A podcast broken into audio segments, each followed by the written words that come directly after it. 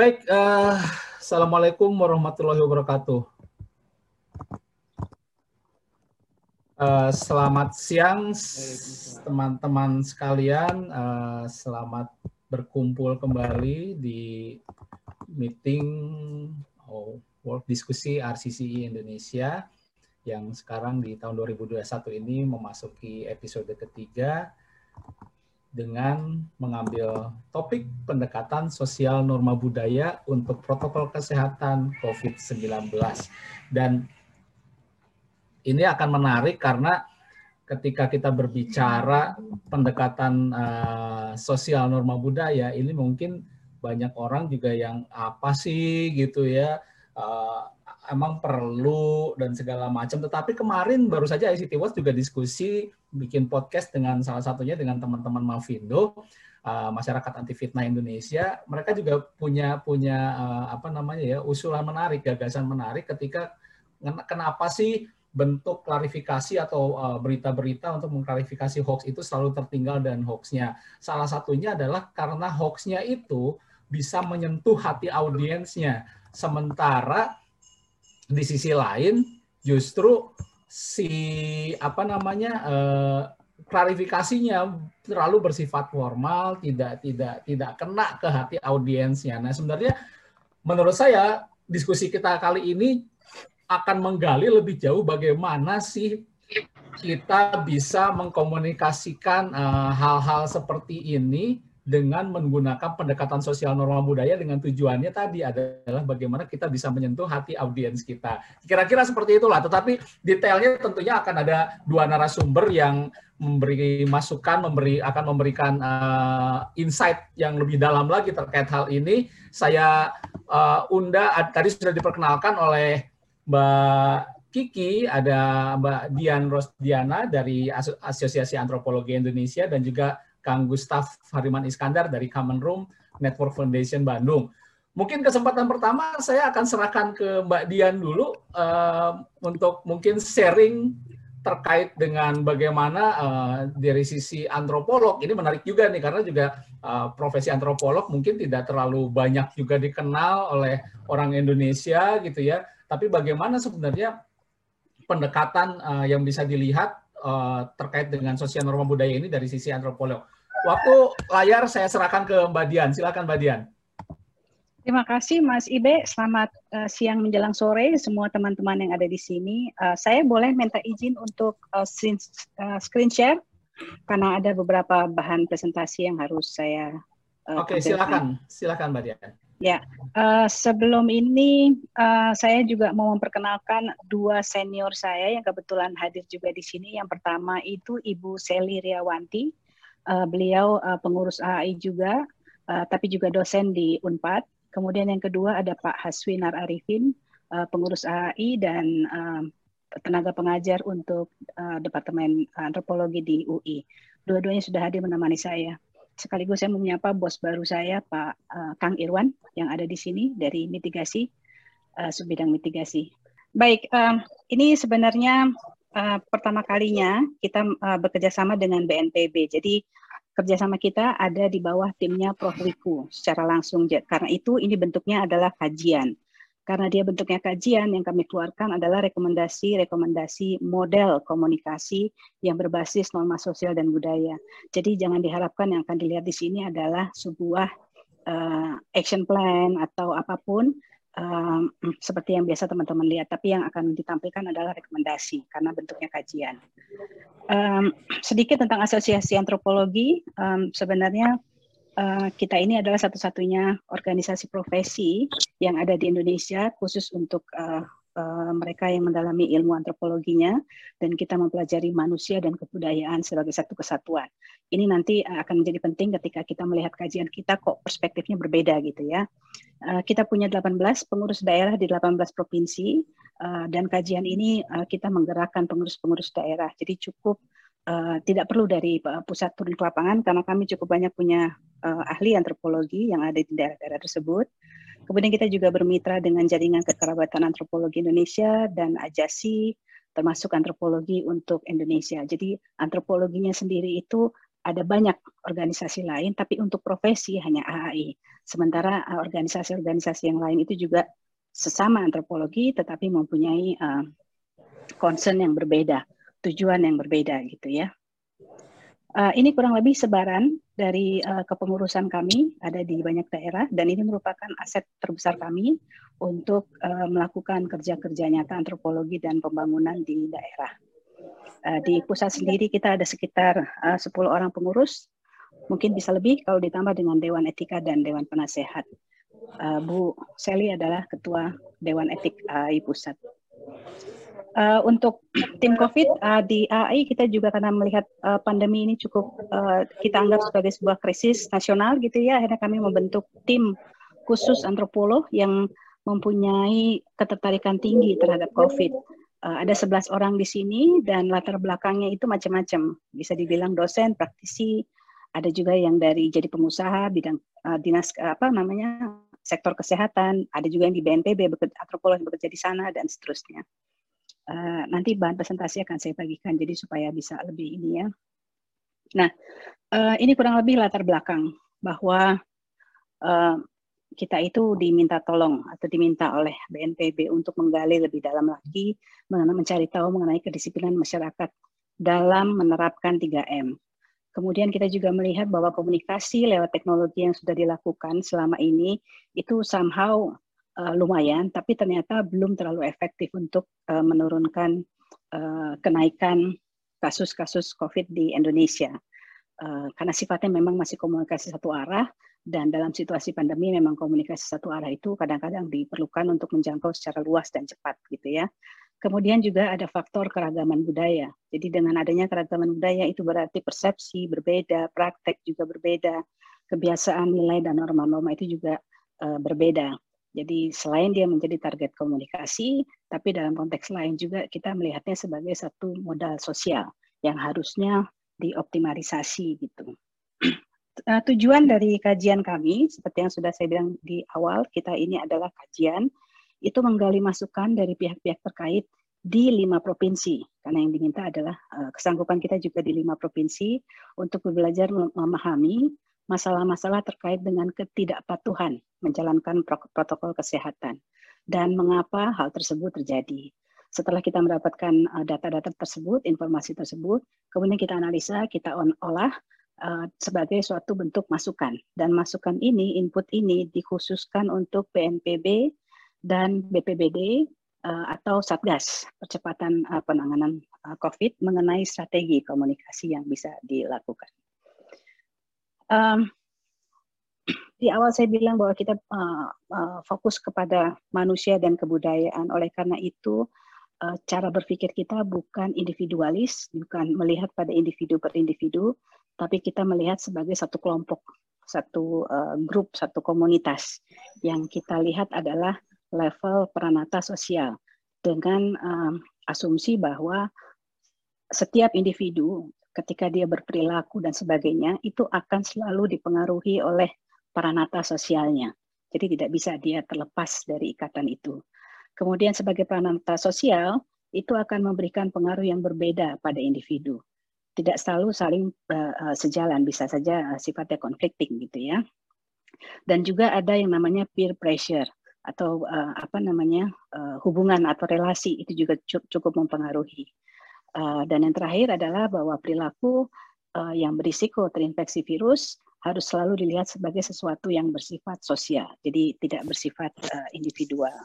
Nah, konsep ini sangat penting untuk dipahami karena ini menjadi dasar dalam kita melakukan kajian. Ini adalah lokasi utama, lima, lima lokasi utama, Sumatera Utara, Jawa Barat, Jawa Timur, Bali, dan Sulawesi Selatan ketika memilih lima daerah ini, kami mendasarkan kepada angka uh, uh, keparahan dari uh, kasus itu, termasuk juga pada uh, akses dan network yang kita punya di uh, daerah. Dan ini sudah melalui konsultasi dengan BNPB di pusat ya. Jadi kita harapannya bisa 18, tapi ternyata waktunya tidak cukup. Akhirnya dipilih lima utama yang uh, mungkin bisa menunjukkan perbedaan jelas antar masing-masing provinsi tersebut. pengumpulan datanya sebenarnya kita bilang bisa dilakukan cukup singkat dari Oktober sampai uh, pertengahan Desember uh, kemarin persis selesai semua analisis pengumpulan data. Di slide ini sebenarnya saya mau menunjukkan momentumnya bahwa kita sudah di penghujung tahun dan ini artinya sudah melewati berbagai macam upaya komunikasi massa yang sudah dilakukan baik oleh KPCPEN, oleh uh, Kemenkes atau oleh teman-teman yang lain gitu yang bergerak memang di bidang uh, media sosial dan uh, komunikasi masa uh, lainnya gitu ya. Kemudian yang kedua sumber data di setiap provinsi itu kami memilih tiga kelompok minimal per wilayah dan kita menyebutnya sebagai kelompok belajar karena uh, kita melihat bahwa masing-masing kelompok itu uh, adalah sesuatu yang mungkin bisa uh, kita pelajari gitu ya dibandingkan sebagai target atau uh, sasaran kajian kami. Uh, dan ketika memilih tiga kelompok belajar ini, kami berkomunikasi dan berdiskusi secara intens uh, dengan stakeholders di level provinsi melalui berbagai cara. Ada FGD, wawancara mendalam, dan melakukan kunjungan langsung ke lokasi studi hasil dari konsultasi kami dengan uh, pihak provinsi, kemudian ditemukanlah list-list ini gitu ya. List-list ini uh, uh, sebenarnya di balik ini ada pertimbangan-pertimbangan teknisnya. Di antaranya adalah bahwa ini adalah kelompok-kelompok atau lokasi-lokasi yang paling sulit untuk uh, merubah perilakunya melalui komunikasi. Dan yang kedua adalah kalau kita dealing atau mengadres kelompok-kelompok ini, maka kelompok ini akan memberikan daya ungkit yang cukup besar bagi uh, kegiatan uh, penanggulangan COVID di daerah di provinsi tersebut. Jadi di level provinsi kalau kita dealing atau addressing these communities, these groups itu akan uh, memberikan daya ungkit yang cukup signifikan gitu ya. Jadi kayak misalnya di yang menarik sih di Jawa Timur ya. Ada Kampung Tangguh, ini adalah binaan dari uh, BNPB Kemudian ada pondok pesantren karena di Jawa Timur itu uh, pondok pesantrennya tinggi sekali. Jadi kalau kita bisa dealing dengan pondok pesantren di Jawa Timur, seharusnya secara teori uh, dia akan merubah kondisi Jawa Timur secara umum gitu. Ada pabrik rokok, di sana juga banyak pabrik rokok. Dan yang keempat adalah kelompok bonek Surabaya. Ini khas sekali di Jawa Timur.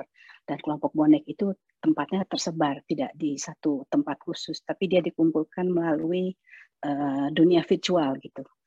Nah ini uh, apa namanya uh, pemilihan-pemilihan kelompok ini juga uh, artinya di latar belakangnya oleh pertimbangan-pertimbangan uh, supaya bisa membantu uh, penanganan COVID dalam level kawasan gitu ya, dalam level uh, provinsi. Jadi bukan uh, sekedar memilih uh, kelompok yang ada. Baik, uh, kemudian kurang lebih temuan utamanya dari uh, studi lima provinsi, uh, kita mungkin sudah banyak menduga bahwa perilaku jaga jarak itu yang paling sulit, paling uh, uh, apa susah untuk dirubah. Ini terkait lagi balik kepada norma sosial masyarakat ya bahwa kita kalau nggak berkumpul itu akan sulit seperti memutus tali silaturahim dan sebagainya.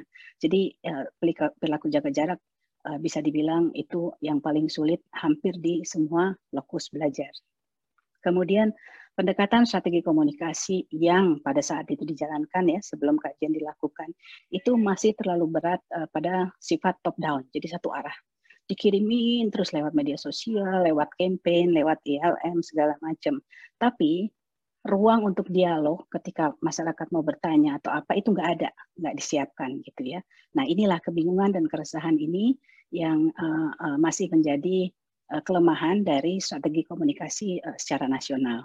Kemudian di sejumlah daerah, dialog dan diskusi di antara pihak-pihak yang terkait, baik pemerintah maupun non-pemerintah, itu masih lemah dan belum terlihat sebagai bagian dari kebijakan uh, dan strategi implementasi menghadapi pandemi. Jadi kebanyakan dilakukan oleh pemerintah daerah adalah melakukan penyuluhan satu arah, menyebarkan informasi, leaflet, booklet, dan segala macam melalui webinar, melalui Zoom. Dan setelah itu selesai. Setelah itu selesai, tidak ada follow up, tidak ada mungkin diskusi, kemudian coaching atau sebagai macam seperti itu. Dan itu putus. Jadi setelah informasi diselesaikan, langsung checklist selesai gitu. uh, dan itu putus padahal uh, masyarakat atau organisasi ini memerlukan uh, informasi yang lebih dari itu. Yang terakhir penanganan pandemi khususnya uh, dalam komunikasi perubahan perilaku menjadi lebih sulit ketika ada irisan dengan kepentingan politik setempat. Ini biasanya antara pimpinan daerah, uh, apa mungkin kepala dinas gitu dan sebagainya, uh, apalagi di, di, ditambah dengan minimnya dialog dengan para pemangku kepentingan. Jadi di daerah itu, di daerah lokasi penelitian kami, ada kesenjangan, ada gaps, ada semacam dinding antara pemerintah daerah dengan masyarakat. Nah, dinding itu masih tebal sekali. Uh, seharusnya ada titik tengah, harusnya ada ruang bersama di mana pemerintah dan masyarakat itu bisa blend, bisa apa saling uh, berkomunikasi itu nggak ada. Kemudian uh, penegakan aturan oleh pihak-pihak berwenang terkadang masih lemah dan tidak konsisten. Kita semua tahu ini ya, apalagi akhir-akhir ini banyak sekali kejadian apa namanya razia-razia segala macam gitu ya, uh, dan dianggap masih tebang pilih hanya untuk kelompok-kelompok tertentu, tapi kelompok lain tidak. Itu terjadi pada saat uh, penelitian dilakukan. uh, ada di beberapa daerah ditemukan hendaknya keteladanan dari pihak-pihak yang seharusnya menjadi panutan. Salah satu contoh adalah di salah satu wilayah penelitian kami itu kepala daerahnya, bupati atau wali kota melakukan pernikahan untuk anaknya dan dia mengundang banyak orang di saat pandemi sedang berlangsung. Gitu ya. Jadi itu membuat uh, warga di sana atau masyarakat di sana bilang nggak ada kalau gitu uh, apa namanya virus COVID itu nggak ada karena buktinya kepala daerah sendiri juga tidak tidak terlalu uh, apa menegakkan disiplin itu. Kemudian uh, untuk uh, penegakan aturan protokol kesehatan sebenarnya relatif lebih mudah dilakukan ketika dia masuk ke public space. Tapi ketika menjangkau wilayah private space dalam keluarga itu nggak bisa kebijakan itu masuk. Tidak ada kebijakan yang bisa mengatur private space kita dalam lingkungan keluarga ketika harus berkumpul, ketika harus arisan, ketika harus uh, apa namanya ada ritual-ritual keagamaan. Nah, itu itu um, kebijakan itu tidak masuk ke sana, tidak bisa diterapkan ke wilayah private. Padahal kita tahu sekarang uh, klaster keluarga uh, meningkat gitu ya. Nah, ini juga merupakan satu tantangan komunikasi tersendiri. Uh, secara umum masih ada miskonsepsi dan kesalahpahaman dalam hal mengapa dan bagaimana virus bisa bertransmisi. Uh, dan mereka merasa bahwa dirinya kebal, padahal bisa jadi mereka uh, membawa virus dan bisa menularkan ke pihak lain. Untuk di pesantren terutama, uh, seperti ini sangat kuat dengan asumsi bahwa mereka mempunyai uh, hadis dan doa-doa tertentu yang bisa menolak bala dan itunya itu yang biasanya dipakai untuk uh, apa mengatasi segala macam penyakit uh, termasuk COVID. Itu masih dipraktekkan dan masih dipercayai cukup tinggi. Nah, Madian, mungkin karena ya. waktu terbatas bisa agak dipercepat. Kita punya waktu dua menit lagi untuk Oke, oke. Okay. Saya masuk ke strategi komunikasi ya. Uh, intinya di sini saya mau bilang bahwa kalau kita mau merubah perilaku, kita tidak bisa ngomong pada level individu atau level uh, ini apa uh, rumah tangga, tapi kita harus menjangkau keempat uh, elemen ini. Keempat elemen ini harus kita keroyok sama-sama baik dari lingkungan kebijakan ini menjadi panduan untuk orang uh, menegakkan kebijakan tersebut. Kemudian ada sistem pendukung uh, pelayanannya, kemudian ada tradisi dan norma masyarakat. Nah ini sebenarnya harusnya yang menjadi fokus komunikasi kita bersama, tidak lagi uh, hanya pada individu dan rumah tangga. Untuk merubah tradisi dan norma masyarakat menjadi lebih menerima protokol kesehatan itulah yang mau kita usulkan di sini ya. Berikutnya ini contohnya bahwa pemberdasan masyarakat itu harus uh, bisa menciptakan sebuah gerakan. Gerakannya apa pun namanya nggak masalah, uh, intinya adalah warga bantu warga. Kemudian uh, komunikasi perubahan perilaku itu harus menciptakan dialog. Artinya ini sudah merupakan kerja antar kelompok, antar komunitas, uh, antar masyarakat gitu ya, dan mengadres pada norma. Tanpa melupakan bahwa komunikasi massa tetap harus perlu dilakukan, tapi harus diperkuat dengan komunikasi yang sifatnya uh, kelompok ya uh, group communication atau uh, apa namanya mungkin juga bisa counseling interpersonal communication. Itu yang putus saat ini antara komunikasi massa dengan komunikasi uh, kelompok. Uh, di bawah ini ada contohnya sebenarnya. Kalau kita uh, malu karena pakai masker ketika sedang berkumpul kita jangan bilang harus pakai masker tapi kita justru mengadres norma tersebut. Uh, misalnya dengan nggak takut lebay kalau pakai masker uh, ketika berkumpul yang penting saling melindungi atau justru kita melihat bahwa masker di dagu itu tidak sopan yang sopan adalah masker yang benar.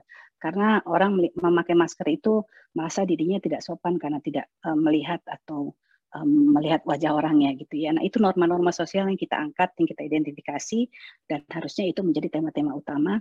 Tidak lagi kering bahwa ini harus pakai masker, harus ini segala macam gitu. Itu enggak lagi. Sebaiknya kita merubah dengan mengadres norma sosial. Mau nongkrong pakai masker dong gitu. Misalnya uh, seperti itu. Jadi tidak lagi uh, apa namanya uh, kering dengan ngomong 3M 3M uh, berikutnya adalah sebenarnya rekomendasi kepada BNPB atau Satgas uh, termasuk BPBD uh, uh, kita menemukan bahwa strategi komunikasi di kalangan BPBD itu memang masih lemah. Jadi uh, keterkaitan antara komunikasi massa komunikasi kelompok uh, norma sosial dan segala macam itu belum dipahami secara utuh. Kemudian penegakan kebijakan keteladanan individu-individu, terutama di konteks-konteks kelompok yang kita uh, kaji, pesantren, uh, apa namanya uh, perusahaan, pabrik para pabrik dan segala macam itu harusnya menjadi fokus dari uh, kegiatan komunikasi uh, yang baru uh, level berikutnya dari yang udah ada sekarang.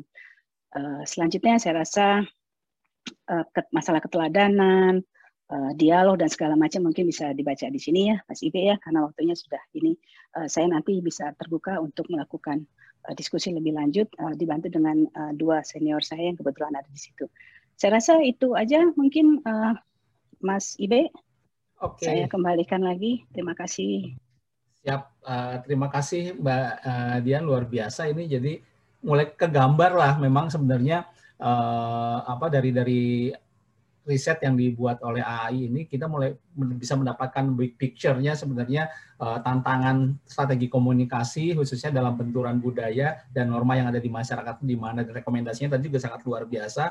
Uh, nah, mungkin saya, pertanyaan mungkin saya akan akan uh, dorong di belakang ya Mbak Dian. Jadi saya uh, akan lempar dulu ke Kang Gustaf nih.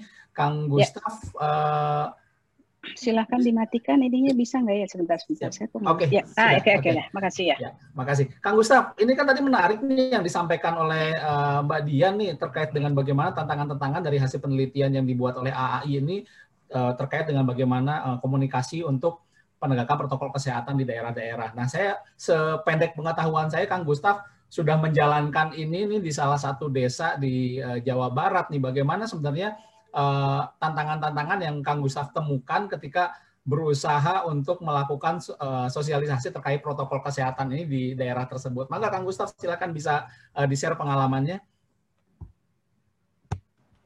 Siap Kang Ibe, hatur nuhun pisan buat teman-teman RCCE Working Group. Mbak Dian tadi udah lengkap banget, terima kasih. Uh, karena apa yang dipaparkan oleh Mbak Dian kayaknya mengafirmasi eh, apa yang sudah kita kembangkan bersama dengan teman-teman di Kamenrum, terutama eh, terkait dengan kerja-kerja diseminasi informasi dan pengetahuan eh, di dalam konteks eh, penanganan pandemi COVID-19.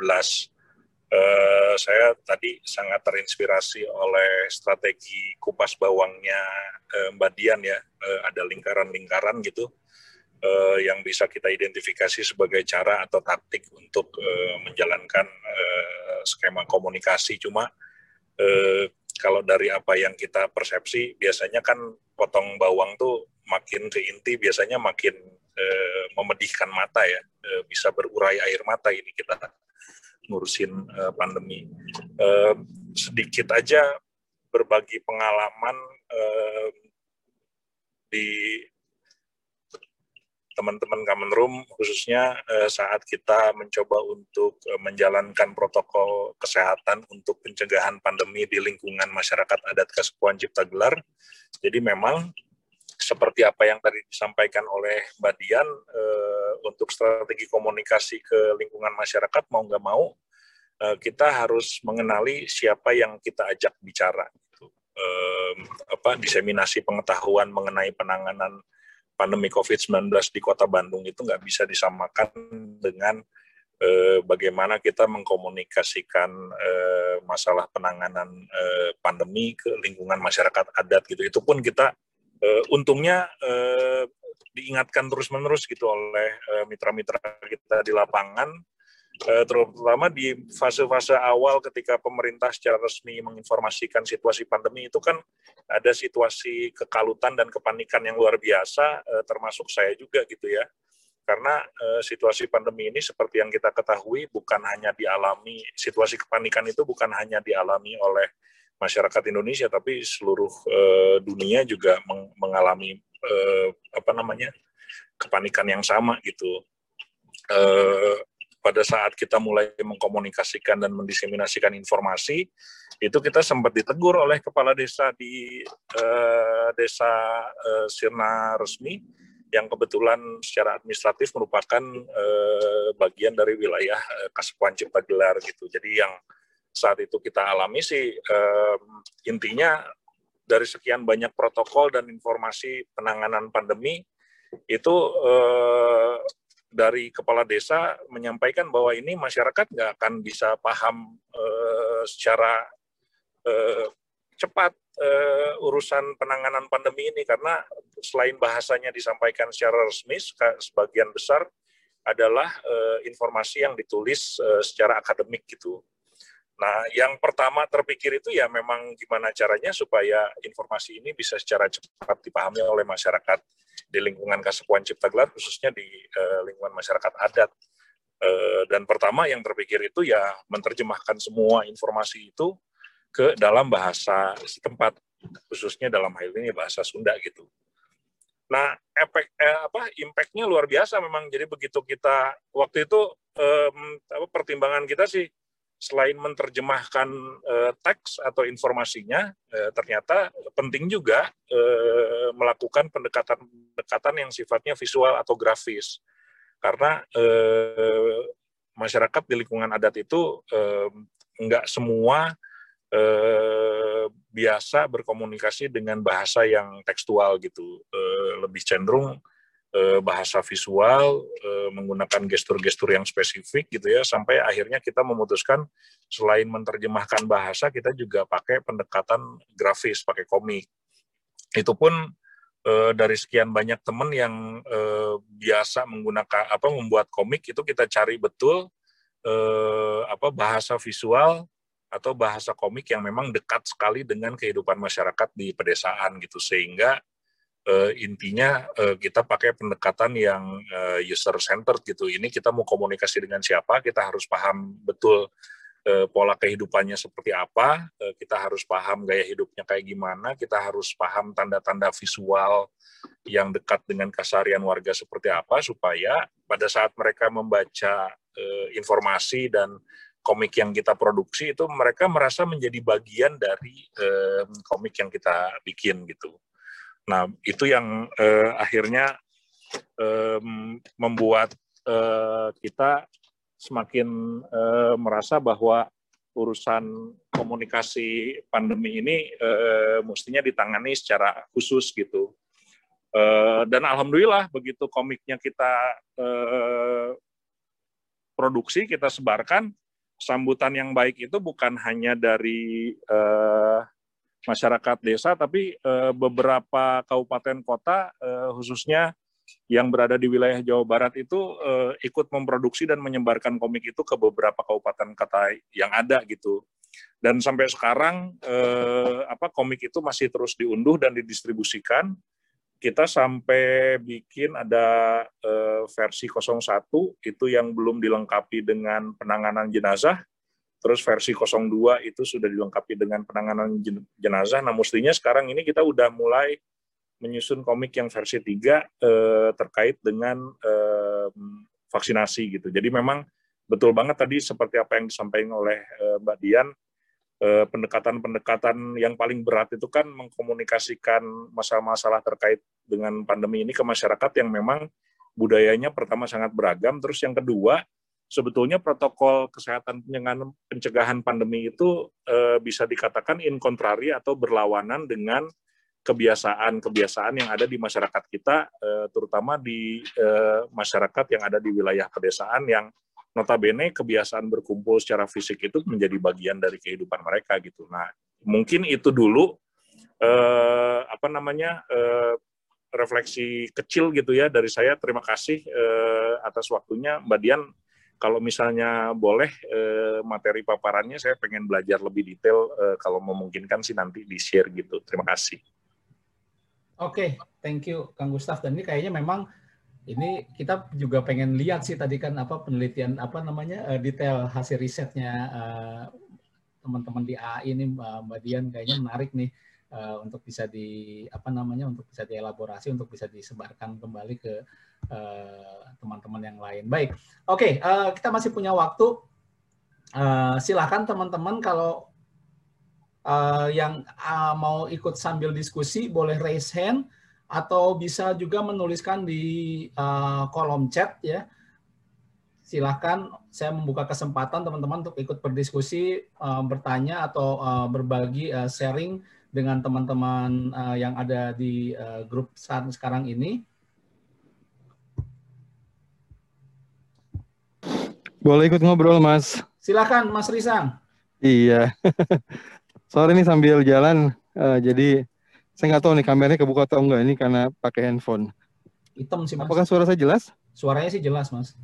Oke sip sip. Terima kasih Mbak Dian sama Ma Kang Gustaf buat sharingnya. Ini menarik nih karena ini persoalan COVID memang harus didekati dengan berbagai macam perspektif ya dan saya juga setuju banget nih kalau kita ngelihatnya jangan hanya dari sisi rasional individual tapi udah beranjak ke urusan norma norma sosial. Nah, saya cuma sedikit aja pengen sharing ya nanti mungkin kita bisa temukan gitu apa persamaan atau gimana e, cara apa implementasinya gitu ya. Ini kalau kita bicara norma, saya pengen bawa ke perspektif sosiologi, komunikasi dan sedikit agama nih ceritanya nih. Jadi kalau bicara norma itu kan norma sebagai sarana atau cara untuk mengatur perilaku itu kan bukan didasarkan kepada pelaku ini beresiko atau enggak gitu uh, pilihan rasional ya tapi persoalannya lebih ke boleh atau tidak boleh dilakukan oleh seseorang berdasarkan apa namanya kesepakatan atau uh, perspektif dari komunitas mungkin itu dulu kali ya jadi kayak misalnya misalnya nih ya orang ngeludah di masjid nah itu kan nggak sesuai dengan norma tuh sehingga nanti norma itu bisa kelihatan berlaku ketika ada hukuman namanya. Dipelototin lah, diomongin, bahkan mungkin janjian disuruh keluar gitu. Nah itu kan norma ceritanya ya. Nah eh, apa namanya eh, sehingga gini itu itu membawa sebetulnya konsekuensi baru ke dalam pendekatan komunikasinya, yaitu kita harus positioning pelakunya itu sendiri dan pelakunya jadi perilaku sama pelakunya juga perilakunya itu jangan dilihat sebagai pelaku. Oh ini yang bisa menularkan, ini tidak menularkan, tapi ini adalah yang merugikan, yang mengganggu, yang mengusik masyarakat. Ah, dan pelakunya mau nggak mau kalau kita bicara norma itu kan jadi devian, orang jahat, kriminal mungkin kalau dari, dari bahasa hukum, tapi yang mengganggu masyarakat. Ah, atau kalau dalam bahasa agama maksiat. Nah itu dia. Hmm. Jadi pelakunya itu pelaku yang jelek gitu, yang maksiat yang ganggu yang ganggu masyarakat. Nah, kalau dalam perkara komunikasi kan jadi kita perlu positioning ulang nih. Ya. Dari sisi 3M itu bukan pelaku untuk mencegah uh, eh, COVID-19. Nah, itu kan bahasa yang rasional individualis. Tapi harus kita bawa ke urusan ini ganggu masyarakat atau enggak. Nah, cuma gini persoalannya ada kontradiksi yang atau kontraksi nih yang bakal jadi isu juga. Pertama, kalau norma itu kan biasanya basisnya bukan pengetahuan ilmiah ya. Tapi kalau menurut antropologi lebih tahu lah Mbak Dian ya. Kan bisa lebih ke mitos dan sebagainya. Nah gimana sekarang kalau norma yang berbasis pengetahuan ilmiah, eh, pengalaman di Indonesia bisa atau enggak gitu. Kan biasa kita kan berdasarkan mitos, kata-kata orang tua dan sebagainya. Dan yang kedua, nah ini bakal jadi kontraksi berikutnya adalah kalau kita membuat positioning perilaku itu jahat, uh, mengganggu masyarakat dan yang melakukannya adalah pengganggu masyarakat uh, apa namanya penjahat tanda kutip gitu nanti jangan-jangan muncul stigma gitu hmm. stigma itu kan yang juga beresiko stigma. Nah kalau orang agama itu, ya saya belajar dari orang-orang agama gitu, itu walaupun mereka itu mengatakan satu perbuatan sebagai maksiat, ya misalnya yang terkait dengan kesehatan itu maksiat, tapi ketika orang itu sakit, nah itu disebut sebagai pembersihan dosa, sebagai ya macam-macam lah yang lebih positif gitu. Dan kita yang melakukan kebaikan kepada mereka, jadi orang yang berpahala juga gitu. Jadi itu balance-nya nih. Nah, tapi saya nggak tahu nih gimana cara aplikasi kalau kita ngomongin ke uh, eh, COVID-19 ya. Tapi kurang lebih itulah uh, perspektifnya uh, tentang norma yang saya ramu-ramu dari sosiologi, komunikasi, dan agama. Terima kasih. Saya balikin lagi ke moderator. Thank you, Mas Risa. Menarik sih uh, apa namanya ya pendekatan seperti itu gitu ya dan uh, saya nggak tahu, mungkin nanti Mbak Dian bisa mengulas lebih jauh. Ini memang benar sih akan akan muncul pros and cons ya ketika kita berbicara uh, tadi metode yang disampaikan oleh Mas Risang tadi gitu ya. Akan uh, tadi juga Mas Risang sudah menjelaskan konsep. Tapi gimana Mbak Dian bisa menanggapi? Ya, menarik. Uh, tapi ada satu hal yang sama antara saya dengan Risang bahwa kita tidak lagi bicara soal 3M. Kita bicara soal norma sosial yang uh, menghambat penerapan atau adap, adopsi dari uh, protokol kesehatan. Kita bicara di situ. Jadi bagaimana norma-norma sosial tersebut ada yang uh, uh, apa menghindar atau mengapa ya meng, menghalangi lah orang untuk melakukan uh, mengadopsi protokol kesehatan. orang terhambat karena norma sosial memakai masker. Karena kalau pakai masker masuk ke rumah ibu, ke rumah tante, ke rumah apa itu sudah no no no no gitu ya. Itu satu uh, apa uh, pelanggaran terhadap uh, uh, apa namanya unggah-ungguhnya gitu kurang lebih seperti itu. Nah hal-hal semacam itu yang kita address. Cuman ada beberapa pertimbangan juga sebagai antropologi mungkin nanti uh, Mbak Sally dan Haswinar bisa menambahkan bahwa ketika kita bicara mengenai uh, peranata sosial, bicara mengenai norma sosial, kita tidak boleh terjebak dalam mengeneralisasi semua konteks seolah-olah sama. Setiap konteks itu berbeda. Itu sebabnya dalam kajian ini kita punya 15 konteks yang berbeda dan 15 konteks itu ternyata uh, membutuhkan bensin yang berbeda supaya mereka mau merubah. Misalnya di kelompok pesantren, kalau mau merubah norma sosial, mempraktekkan uh, protokol kesehatan, maka kita harus mengedepankan keteladanan. Keteladanan di sini adalah pimpinan pesantrennya, nyainya, ustadznya, Nah, itu dibuatkan sebuah semacam SOP dan seterusnya sampai akhirnya kemudian didampingi supaya mereka bisa mengimplementasikan dengan segala keterbatasan yang ada gitu. Kurang lebih seperti itu. Sementara dalam konteks yang berbeda misalnya uh, pabrik kalau itu kalau nggak salah ada di Jawa Timur yang uh, diperlukan itu adalah konsistensi menerapkan uh, protokol kesehatan di dalam pabrik dan ketika buruh-buruh itu pulang ke rumah masuk ke dalam area kos-kosan atau apa namanya perumahan-perumahan pabrik. Hmm. Nah itu suka ada putus, suka tidak bersambung, tidak uh, berkesinambungan di pabrik disiplin. Ketika masuk ke asrama atau masuk ke daerah kos-kosan, disiplin itu hilang karena tidak ada yang membantu menerapkan. Jadi eh, lapisan-lapisan uh, bawang itu, maksud saya yang tadi disebut oleh uh, Kang Gustaf, uh, bagus sekali contohnya, itu nggak bisa satu-satu di diintervensi, harus sekaligus secara bersamaan. Jadi harus ada kombinasi. Kalau tidak ada kebijakan di konteks tertentu, maka orang juga tidak akan uh, merasa bahwa dia harus uh, mengadopsi uh, apa namanya praktek-praktek atau perilaku perilaku uh, protokol kesehatan. Uh, kurang lebih seperti itu ya. Jadi kalau kita mau secara ekstrim merubah uh, norma sosial itu menjadi sesuatu yang maksiat, menjadi sesuatu yang haram, itu uh, terlalu jauh kita bicara, tapi saya sih mengusulkan bahwa kita membreakdown ke dalam konteks-konteks yang lebih easy to handle uh, dan lebih terlihat dan lebih actionable disesuaikan dengan keterbatasan-keterbatasan yang ada. Uh, saya mau mengundang Mbak Sally, boleh Kang Ibe uh, silakan, atau silakan. Hasbinar? Uh, karena Mbak Sally megang penelitian di uh, Jawa Barat kalau nggak salah. Hmm. Ces, ya silakan Ces. Terima kasih, selamat siang semuanya. Siang. Terima kasih dia. Nah, saya menyambung saja apa yang disampaikan sudah disampaikan oleh Dian ya. Jadi, tapi saya uh, memahami juga apa yang disampaikan oleh uh, Bung Risang barusan.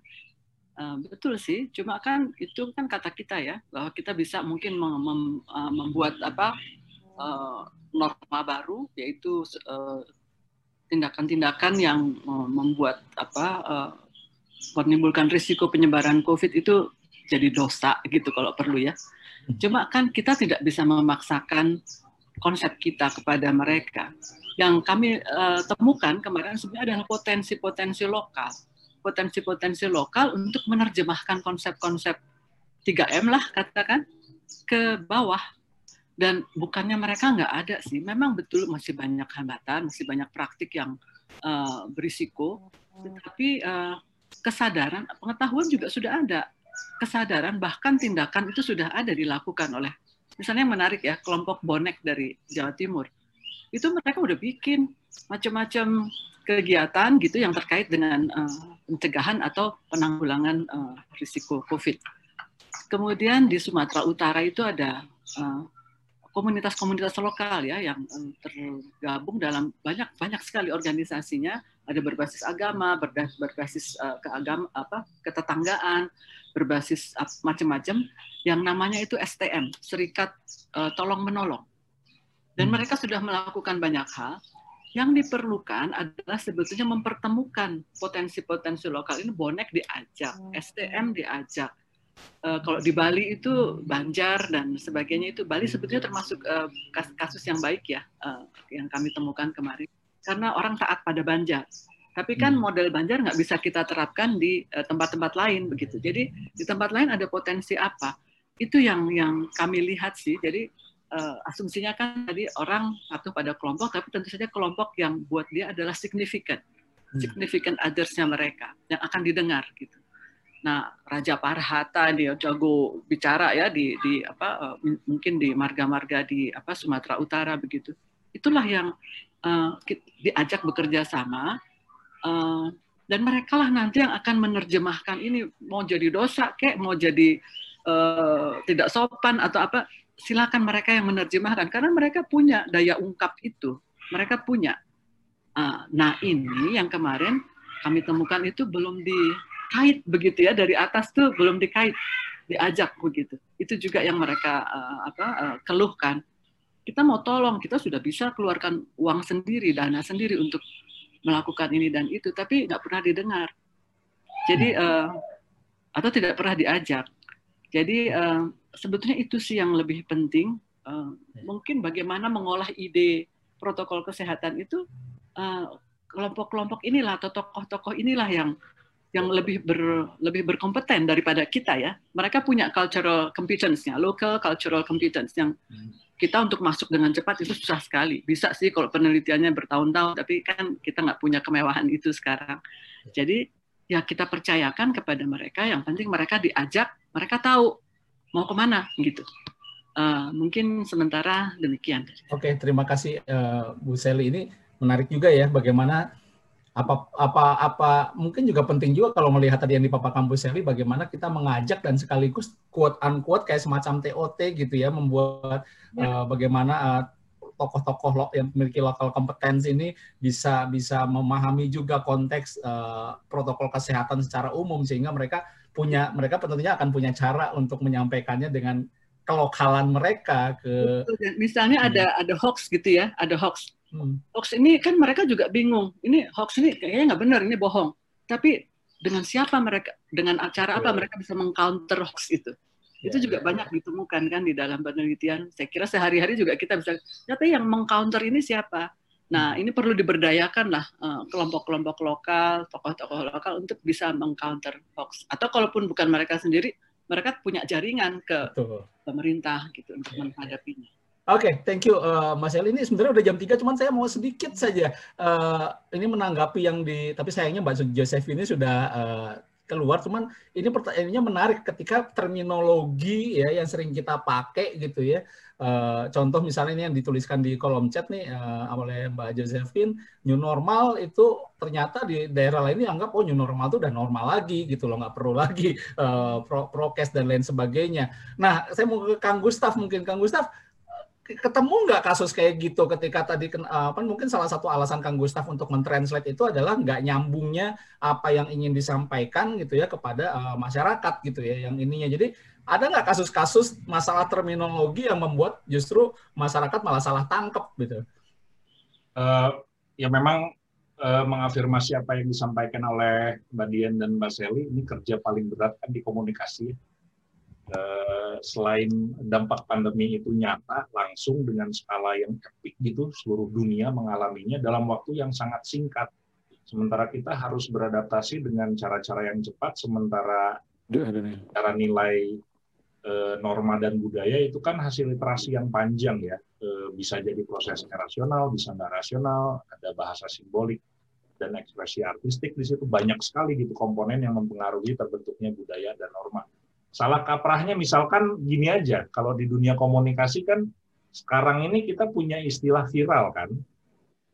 Viral itu sesuatu yang menyebar secara cepat gitu eh, ke seluruh lapisan masyarakat, tapi kalau misalnya dalam konteks eh, virus, peristiwa viral itu kan mengerikan ya. Begitu eh, pandemi COVID-19 viral di masyarakat, ini jadi jadi jadi melahirkan uh, situasi-situasi kegamangan dan kepanikan yang luar biasa. Jadi uh, ada banyak kontradiksi, ada banyak kompleksitas. Uh, saya yakin um, apa kadang-kadang dalam konteks ini kita bicara norma sosial budaya itu adanya di ujung gitu ya. Uh, seakan-akan dia jadi obat untuk semua persoalan. Tapi kalau misalnya kita gali lagi, uh, kapan sih kita me, me, me, melakukan pendekatan-pendekatan untuk menyelesaikan masalah di masyarakat itu lewat pendekatan-pendekatan sosial budaya? Kan jarang banget kadang-kadang hanya dijadiin embel-embel aja gitu.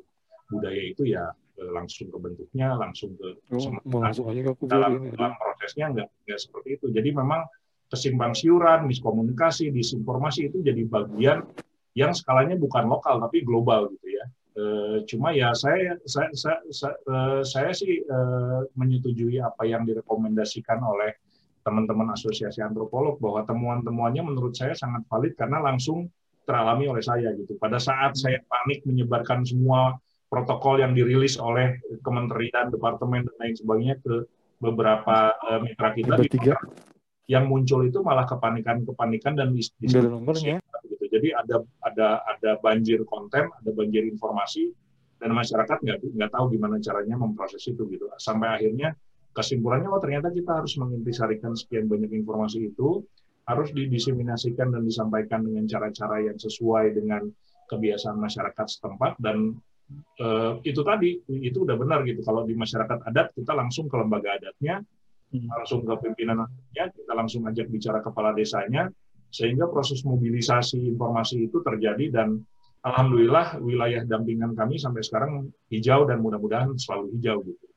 Nah ini kan kita ngomong se Indonesia hmm. bisa bisa bisa kita bisa membayangkan kompleksitas persoalan yang ditemui oleh eh, Mbak Dian dan teman-teman saat mengumpulkan data hanya di lima wilayah aja nih, belum di semua provinsi dan semua wilayah Indonesia. Jadi memang di Indonesia ini uh, mestinya uh, pendekatannya tailor made, apa pilihan untuk melakukan pendekatan lewat ormas sosial budaya ini menjadi salah satu pilihan yang baik menurut saya, tapi memang tidak mudah dan pasti prosesnya panjang. Nah, e, untuk mempersingkat waktu sih, e, saya dalam kesempatan ini pengen banget ngutip e, apa yang disampaikan oleh Arundhati Roy ya, bahwa secara historis situasi pandemi ini kan bukan baru sekarang nih kita alami, tapi hmm. juga peradaban di masa lampau malah ada peradaban yang hilang karena pandemi gitu. Jadi ini bukan eh, apa peristiwa pertama dan ke depan mungkin ada pandemi-pandemi yang lain. Nah, tapi secara secara historis eh, sebetulnya situasi pandemi ini eh, bisa mendorong eh, apa peradaban manusia untuk memutus hubungan dengan eh, situasi-situasi dan kompleksitas di masa lalu dan mulai membayangkan eh, situasi dunia baru yang eh, seperti apa yang memang eh, bisa eh, membuat kita uh, survive untuk hidup bersama uh, pandemi COVID-19. Ke depan mungkin ada pandemi yang lain dan menurut saya ini waktu yang tepat untuk mulai belajar dari masa lalu, dari situasi masa kini supaya kita bisa membayangkan ini situasi dunia yang seperti apa yang uh, membuat kita bisa survive uh, hidup berdampingan dengan pandemi. Um, dalam dalam dalam tulisannya eh, malah eh, Arendatory ini melihat bahwa situasi pandemi eh, COVID-19 ini sebetulnya portal, dia gerbang besar yang yang mendorong peradaban manusia ini masuk ke fase peradaban yang baru dan eh, ya buat saya ini ini peluang yang sangat baik untuk kita tangkap gitu ya, bagaimana kita bisa masuk ke peradaban eh, yang baru tanpa harus eh, masuk ke fase baru ini dengan kekecewaan, kesedihan, kemarahan gitu. Atau bahkan frustasi. Jadi cara-cara hidup yang baru, pola hidup yang baru ini harus jadi norma-norma yang baru dan jangan salah yang namanya norma, budaya dan lain sebagainya itu kan konstruksi sosial yang yang panjang gitu ya. Nah, ini kita hidup dalam situasi pandemi yang memaksa kita untuk bikin kebiasaan-kebiasaan dan imajinasi baru tentang dunia dalam waktu yang sangat singkat gitu. Nah, ini yang yang mungkin ini kerja yang sangat berat itu kenapa tadi di awal saya bilang ini teknik kupas bawang yang direkomendasikan oleh Mbak Dian dan rekan-rekan asosiasi antropologi ini masuk akal tapi pasti akan banyak berlinang air mata karena biasanya kalau kita kupas bawang itu makin, makin lama eh, air mata kita makin berurai gitu. Ya, ini menarik coba eh, apa namanya disampaikan Kang Gustaf menyambung dengan yang dipaparkan Mbak Dian dan Mbak Sally. Ya kita berhadapan dengan kompleksitas negara kita ya, no one fit solution for all sebenarnya ya, nggak ada solusi yang bisa diterapkan. Tadi misalnya ngomongin uh, bagaimana misalnya tokoh-tokoh adat gitu ya. Mungkin di daerah-daerah tertentu bisa tapi ketika ngomongin urban gitu ya kayaknya gitu kalau di kota-kota besar tokoh adat iya tah masih ada yang masih didengar dengan ini gitu oleh orang-orang urban gitu ya. Ini juga menjadi catatan tersendiri bagaimana lagi. Ini sebenarnya di uh, kolom chat juga Mas Bayu ini menyampaikan hal yang menarik juga. Bagaimana juga pemanfaatan teknologi digital Uh, dia uh, menyebutkan saya Mas Bayu juga sudah out menggunakan IG Live, kemudian bagaimana jejaring untuk kita menyiapkan uh, konsulan konten, narasumber dan lain sebagainya. Mungkin ini juga bisa kita pakai untuk menjaring yang menggunakan apa menyiapkan strategi komunikasi untuk yang di di urban karena memang memang ini baru ngomongin urban rural belum ngomongin juga kultural dari sisi barat sampai Aceh sampai Papua yang tentunya sangat beragam. Nah, sudah lewat 8 menit, saya nggak tahu ini uh, gimana ya. Ini teman-teman sih ada yang bilang, ayo lanjut sampai at least tambah 30 menit. Tapi saya kembaliin ke Mbak Kiki dulu deh, takut salah Mbak, Mbak Kiki. Iya Mas Ibe, ini kayaknya seru banget. Saya pikir nggak apa-apa, kita lanjut saja. Uh, mungkin sampai 15 uh, 15 atau 15.30 tergantung okay. narasumbernya available atau enggak tapi buat teman-teman yang harus leave karena ada kegiatan lain juga nggak apa-apa. Silahkan monggo yang mau lanjut bisa stay di room ini begitu. Oke. Okay. Silakan Mas Ide. Siap. Berarti kita lanjut sampai 15.30 ya, Mbak Dian, uh, Kang Gustaf. Punten ini uh, aspirasi arus bawah. ya, nggak apa-apa buat saya. Siap, Tapi siap. ya menyambung komentar dari Mas okay, Ide soal hmm. soal uh, pertanyaan dari Mas Bayu mengenai penggunaan teknologi, penggunaan apa namanya Eh, media massa dan segala macam itu kita tidak against it. Kita sangat support seperti itu. Tapi uh, masalahnya uh, nature ketika kita menggunakan media massa dan segala macam itu kita tidak tidak memberikan perhatian terhadap respons terhadap feedback ah. terhadap apa pun yang ini. Jadi setelah kita mengeluarkan di IG suatu video kemudian orang memberikan respons di bawah apa yang kita lakukan dengan itu? Nggak ada Bukannya itu dianggap sebagai sebuah data, kita analisa dan kita olah untuk mengeluarkan konten berikutnya gitu. Jadi ketika misalnya ada isu mengenai vaksin yang bisa membuat orang ngantuk, orang apa gitu segala macam, itu mestinya diadres gitu. Atau ketika ada yang menganggap bahwa uh, apa namanya bahwa hadis-hadis atau uh, doa-doa itu akan kuat menolak bala. Nah, itu nggak diadres gitu dengan dengan cepat. Jadi semua respon, semua um, klik atau apa pun itu tidak tidak diperlakukan sebagai data. Tapi seolah-olah satu-satu video selesai keluar cuci tangan kita pindah nyari-nyari lagi topik apa ya gitu. Seolah-olah dari keluar dari belakang meja. Padahal insight dari komentar, dari respons itu besar sekali gitu kalau kita mau ini. Uh, dan tidak semuanya itu berat ketika kita harus merespons. Ada yang ringan sekali uh, saya ambil contoh uh, di kajian kita di Sumatera Utara ya, CES kalau nggak salah. Di sana itu model komunikasi yang paling mudah adalah kalau kita berkomunikasi melalui organisasi sosial dan politik. Di nggak tahu kenapa orang Sumatera Utara itu senang sekali berorganisasi.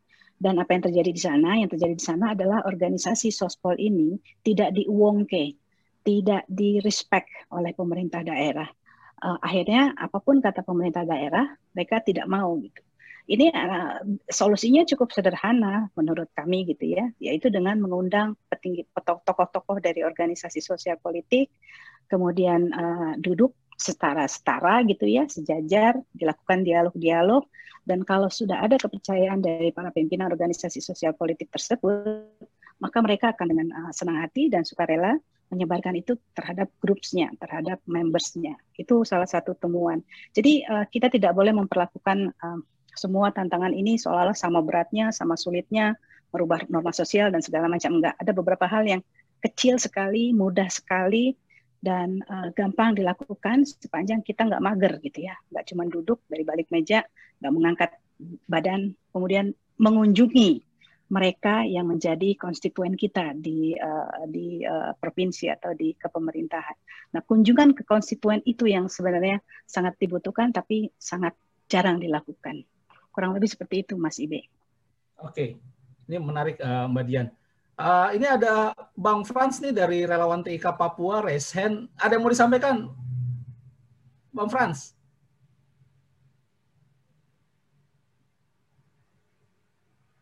Halo, selamat ya. sore buat teman-teman semua di sana. Sore, Bang Frans. Uh, bagaimana kami di Papua ini mengikuti saja ya. Salam kenal buat semuanya. Uh, salam dari Papua. Oke. Okay. Uh, kami dari Papua mengikuti saja apa yang dibahas. Kalau memang ada hal-hal yang menurut kami penting, pasti kami akan petik. Oke, okay, terima kasih siap, buat semua. Dilanjutkan siap, saja. Siap. Mantap, okay. mantap, Pak Frans. Oke, okay.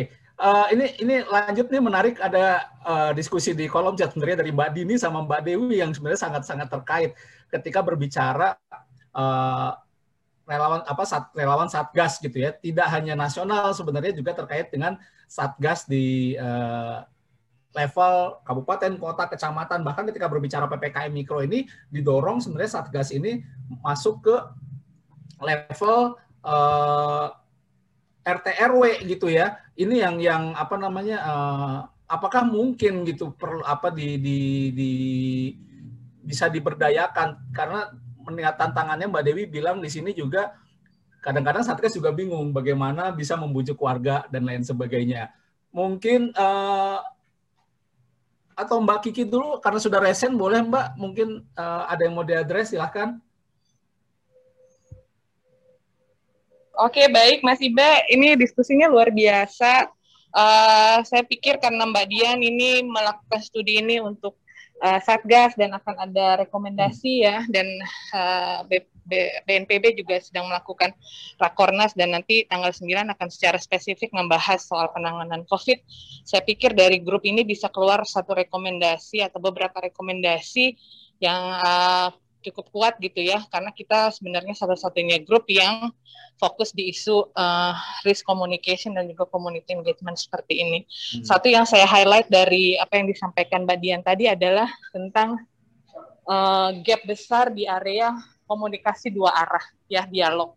Saat ini komunikasi publik sangat fokus pada kegiatan-kegiatan satu arah uh, ya. melalui jalur udara, sosial media, ILN dan lain sebagainya cuma kecil sekali uh, sumber daya atau alokasi yang diberikan untuk kegiatan-kegiatan yang sifatnya di darat.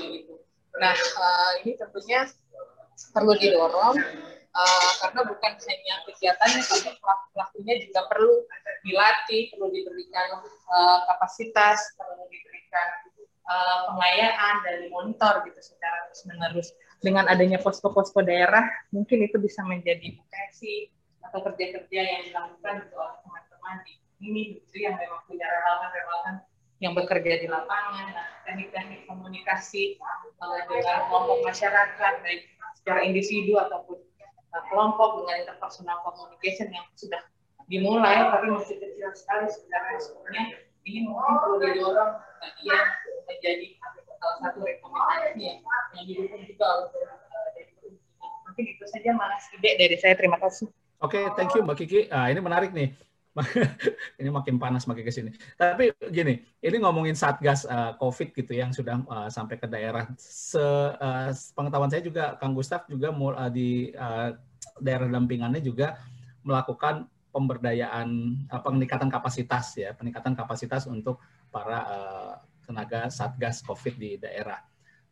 Nah, saya nggak tahu nih. Pertanyaan pertama sebenarnya uh, apakah memungkinkan untuk kita memberdayakan atau tadi uh, mendorong satgas-satgas ini memiliki kemampuan komunikasi publik yang lebih gitu ya. Kalau memungkinkan how to-nya seperti apa, bagaimana uh, ini bisa dilakukan. Mungkin uh, based on pengalaman Kang Gustaf bisa share.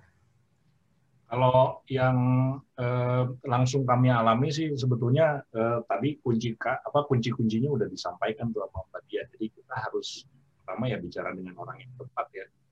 Uh, kalau misalnya mangku adat disuruh bicara di Jakarta nanti kan bisa disangka dukun tapi kalau misalnya pemangku adat bicara ke warga langsung di lingkungannya untuk memobilisasi supaya kampungnya bisa lebih siaga dan siap menghadapi pandemi, itu mobilisasinya cepet banget. Saya ingat banget waktu itu tanggal 13 Maret kalau nggak salah pemerintah mulai bicara secara terbuka soal penyebaran pandemi di Indonesia. Kita langsung kontak dengan kepala adat tanggal 15 itu maklumat resmi dari lembaga adat udah keluar Eh, bahwa eh, isolasi kampung diterapkan, eh, mobilitas orang yang masuk dan keluar diawasi, terus protokol pandemi mulai diterapkan dan kita melakukan kerja-kerja translasi informasi, menerjemahkan informasi-informasi resmi ke bahasa Sunda gitu. Nah, langkah-langkah yang seperti itu kan memang apa ya harus tadi ya rajin ketemu sama eh, apa sama mitra dampingan kita terus kita dengerin. Nah yang paling susah itu kan politics of listeningnya gitu. Jadi politik untuk mendengar gimana sih caranya supaya informasi ini bisa sampai ke masyarakat. Kadang-kadang pemerintah kita katakanlah pemerintah daerah kabupaten gitu nyebarin informasi ke pemerintah desa ya mereka nyebarin nyebarin aja kalau misalnya protokolnya dokumen resmi dokumen resmi tapi nggak ada kerja kerja translasi eh, informasi di situ. Eh, akhirnya yang terjadi kan penolakan dari masyarakat karena masyarakat tingkat literasinya rendah, terus eh, pemahaman pemahaman mereka terbatas. Nah, yang jadi persoalan kan translasi teks dan kultural ini bukan kerja mudah. Dia memang harus dikerjakan oleh ahli yang tahu. Saya sendiri sama teman-teman saat menerjemahkan bahasa Indonesia resmi ke bahasa Sunda lokal di Kampung Cipta Gelar, itu mendapatkan penolakan dari wilayah eh, yang berbahasa Sunda dengan langgam yang lain gitu. Dan belakangan kita baru tahu oh ternyata bahasa Sunda Pakidulan itu beda sama bahasa Sunda Priangan, bahasa Sunda Cirebonan, bahasa Sunda eh, Cianjuran dan lain sebagainya. Jadi ternyata bahasa daerah aja layernya udah banyak tuh gitu. Nah ini memang kalau mau dimobilisasi kerja-kerja komunikasi ini, saya yakin KPCPEN pemerintah kita nggak akan sanggup karena kita punya sekian banyak bahasa, sekian banyak eh, banyak budaya, sekian banyak tradisi gitu ya. Ada yang mestinya bicara yang eh, yang bicaranya alumni, ada yang eh, apa ada forum-forum alumni kalau di perguruan tinggi atau di perguruan apa sekolah-sekolah lain. Ada ulama yang harus bicara, ada musisi lah, ada apalah. Jadi saya lihat memang ini mobilisasinya nggak cukup hanya melibatkan lembaga-lembaga resmi yang ditunjuk oleh pemerintah. Ini harus jadi gerakan masyarakat. Saya nggak tahu kuncinya seperti apa, tapi fisiknya hmm. saya kira tadi udah disampaikan oleh Mbak Dian. Jadi eh, pertama ya social mapping kita harus tahu aktor-aktor lokal yang memang punya pengaruh untuk membangun opini, membangun persepsi gitu ya di masyarakat ini siapa aja. Terus gimana caranya supaya kita bisa eh, bicara dengan mereka karena salah satu kunci penting kan membuka ruang-ruang dialog ya. Nah, karena ada situasi yang urgent, kita sekarang ini dipaksa untuk mikir, udah satu arah mobilisasi secara masif dan pasti itu akan diterima. Tapi prakteknya kan enggak. Ya. karena begitu masyarakat dihujam oleh informasi ini kan kita kayak hidup di ruang epilepsi ya. Tiap hari ada kejutan-kejutan baru tiap hari ada informasi baru tiap hari ada situasi-situasi baru yang nggak jelas juga juntrungannya gitu. Nah hidup di ruang epilepsi seperti ini sebetulnya semakin menumbuhkan eh, keinginan untuk menolak dan akhirnya jadi apatis dan lebih lebih jelek lagi kalau udah frustasi kan. Nah ini yang yang, yang saya pikir ruang-ruang dialog ini saya nggak tahu gimana caranya memobilisasi, tapi kalau pengalaman kita ya itu tadi kita dengar dulu eh, gimana caranya supaya informasi dan pengetahuan baru ini bisa nyampe dan eh, membentuk persepsi dan imajinasi baru tentang dunia gitu. Oke, ke, ke Mbak Dian nih Mbak Dian. Uh, balik lagi pertanyaan awal ya. sebenarnya uh, memungkinkan nggak sih kita memberdayakan Satgas dengan meningkatkan kapasitas atau mungkin tadi cerita yang yang telah Kang Gustaf lakukan di daerah dampingannya itu bisa nggak memungkinkan nggak sih untuk direplikasi secara lebih luas di seluruh daerah di Indonesia berdasarkan penelitiannya? Ya, saya sih orangnya optimis, sangat memungkinkan. Uh, tergantung uh, apa namanya uh, nawaitunya dari masing-masing uh, satgas di daerah. Hmm. Karena saya melihat kita tuh sebenarnya sudah punya aset banyak sekali. Uh, aset dalam artian bahwa kita punya jaringan PLKB, kita punya jaringan kader, Kemudian uh, kalau nggak salah dari Satgas juga sudah melatih mungkin ribuan uh, duta perubahan perilaku. Kemudian kita punya jaringan puskesmas, jaringan posyandu dan segala macam. Nah masalahnya kita sering mengabaikan aset ini seolah-olah mereka adalah bagian dari uh, channel biasa gitu, yang yang apa namanya yang kerjanya hanya menyalurkan, menyalurkan, menyalurkan. Kalau ini kita uh, build kapasitinya, uh, itu akan membuat uh, significant uh, change di lapangan ya.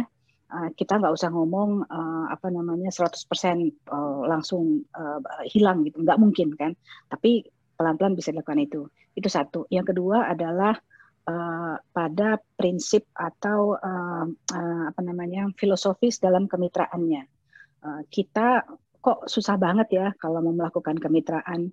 Kayaknya kalau kita mau uh, bekerja sama itu seperti selalu ada uh, udang di balik batu. Seolah-olah kalau kita menawarkan kemitraan, itu nanti kita yang rugi, dia yang untung gitu. Selalu ada pemikiran negatif seperti itu. Atau uh, kemudian kita terserang rasa uh, confidence kita, begitu ada yang menawarkan bantuan, terus kita merasa bahwa dia menawarkan bantuan berarti dia tidak melihat saya sanggup melakukan hal ini. Nah itu kasus-kasus yang terjadi gitu, yang kami hadapi juga. Uh, artinya adalah bahwa kalau kita mau melakukan ini bersama melalui kemitraan, uh, kemudian dengan menggunakan aset-aset yang sudah ada, itu saya rasa tidak akan sulit untuk uh, apa uh, dilakukan. Uh, kita bisa melakukan perubahan. Uh, saya yakin banget dari grup RCC aja sudah banyak sekali ahli-ahli komunikasi, ahli-ahli community development gitu. Tapi saya juga masih mendapatkan sense bahwa kita masih bergerak secara uh, dalam direction yang berbeda. Yang satu fokus pada uh, group communication, sementara yang satu fokus fokus kepada uh, media, mass media gitu. Karena saya ngelihatnya dari perspektif komunikasi nih sekarang ya. Kemudian dari sisi konten itu juga kita mempunyai kelemahan. Kita bicara kering banget ngomong 3M, 3M, 3M segala macam di grup uh, uh, RCCI yang uh, notabene saya anggap sebagai uh, krim uh, elit uh, apa tuh istilahnya?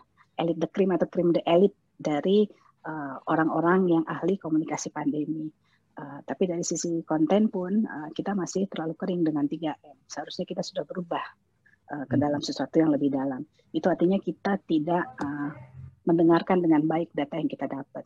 Nah, untungnya ada kesempatan ini untuk berdiskusi lebih lanjut. Jadi saya setuju dengan Kiki bahwa kita hmm. harus berembuk dan mendengarkan rekomendasi-rekomendasi lebih lanjut. Kurang lebih seperti itu ya, Mas Ibe okay. ya. Thank you, Mbak Dian. Nah, ini penting nih untuk melihat tindak lanjutnya seperti apa. Nah, uh, buat rekan-rekan, Kang Gustaf sudah share uh, tadi buku translasi yang terkait protokol kesehatan dan terkait uh, uh, COVID-19 uh, dalam bahasa Sunda Pakidulan ya Kang Gustaf ya. Uh, jadi bukan bahasa Sunda biasa, tapi sudah Pakidulan itu nyinglar porus corona itu sudah ada tautannya. Uh, jadi itu bisa bisa teman-teman lihat dan mungkin kita bisa bisa coba adaptasi kepada uh, ke bahasa-bahasa lain. Uh, Mbak Tani dari Linon sudah resen, silakan Mbak Tani. Kasih Kang Ibe, uh, Mbak Dian, Kang Gustaf. Uh, terima kasih. Uh, sangat insightful dan terima kasih Mbak Kiki mau extend waktunya karena tadi baru baru mulai anget jadi kalau udah harus tutup sayang gitu. Saya izin mau share aja sedikit cerita dari teman-teman uh, di daerah yang melakukan penjangkauan lewat program Linon di Jawa Timur kita dapat satu cerita yang menarik. Uh, uh, saya ingin tahu dari fenomena antropologi nanti ini sebetulnya masuknya di ranah mana gitu, uh, Mbak Dian, uh, dan potensi ini ada di mana.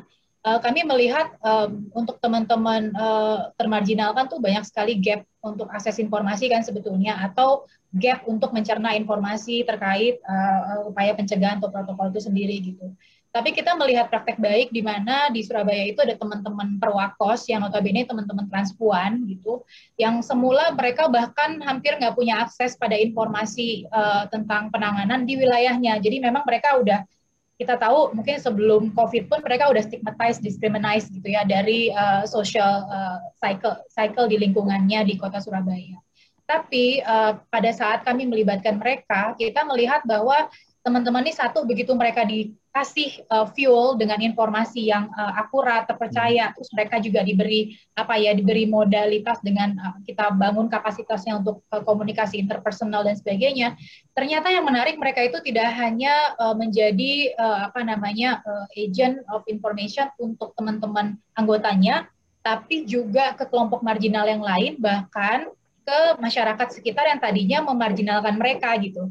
Karena ternyata kalau dari umpan balik yang kita dengar dari teman-teman uh, eh, ASB yang di sana mengelola dengan Plato Foundation, itu um, teman-teman uh, sorry uh, masyarakat bahkan anak kecil, orang dewasa, orang tua yang tadinya menganggap sebelah mata sama mereka, ternyata daya komunikasi mereka itu dianggap lebih luas gitu untuk menyampaikan informasi terkait pencegahan. Jadi ini kan sebenarnya satu uh, fenomena yang menarik gitu ya. Dari diskriminasi ternyata itu bisa apa namanya didiscriminizing jadi membuat mereka menjadi bagian dari society bahkan uh, bukan dilihat apa yang menarik bukan dilihat seberapa kredibel untuk menyampaikan tapi seberapa luas untuk menyampaikan informasi dengan gaya dan cara yang bisa diterima sama masyarakat yang notabene awam dan tidak stigmatize atau bahkan yang tadinya stigmatizing mereka memang saat ini kita belum lihat apakah um, penerimaan informasi itu translating very well ke uh, perubahan perilakunya atau ke adaptasi norma baru untuk uh, apa namanya uh, 3M dan sebagainya atau sekarang disebut 5M tapi paling nggak kita lihat ini sebenarnya ada potensi. Nah, gimana sekarang kuncinya? Gimana ya uh, supaya di level nasional atau di level pemangku kebijakan juga ngeh tentang potensi-potensi ini?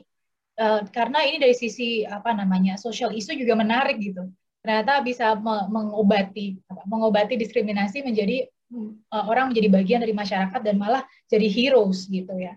Uh, ini ini fenomena yang kami temui. Mungkin ada tanggapan dari Mbak Dian dan mungkin Kang Gustaf. Terima kasih Kang Ibe. Oke, okay, thank you. Mbak Tani ini menarik lagi satu apa? Uh, but, uh, kalau saya sih ngambil garis bawahnya tadi bagaimana sebenarnya kita create fuelnya gitu ya. Yang fuel itu kemudian bisa diolah oleh siapa pun, termasuk tadi uh, mungkin yang kaum termarginalized gitu untuk bisa menjadikan mereka apa membuat mereka punya punya bahan bakar ya untuk menyampaikan kembali dan itu uh, ya luar biasa sih kalau kalau kita bisa create buku-buku kayak yang Kang Gustaf siapkan ini gitu ya fuel-fuel konten-konten yang mudah dimengerti dan mudah diadaptasi. Silakan responnya Mbak Dian, Kang Gustaf, Mbak Dian dulu deh, silakan.